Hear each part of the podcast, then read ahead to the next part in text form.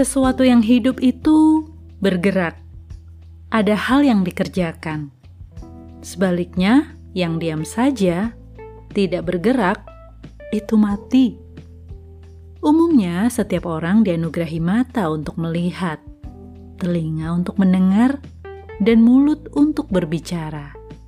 Namun sayang, terkadang tidak digunakan sebagaimana mestinya. Apa yang sudah terpampang tidak dilihat, tidak dibaca. Yang sudah didengarkan tak mau didengarkan.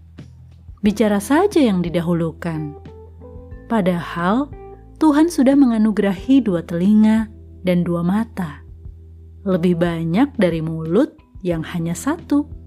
Dengan harapan agar kita lebih banyak mendengar dan melihat ketimbang berbicara.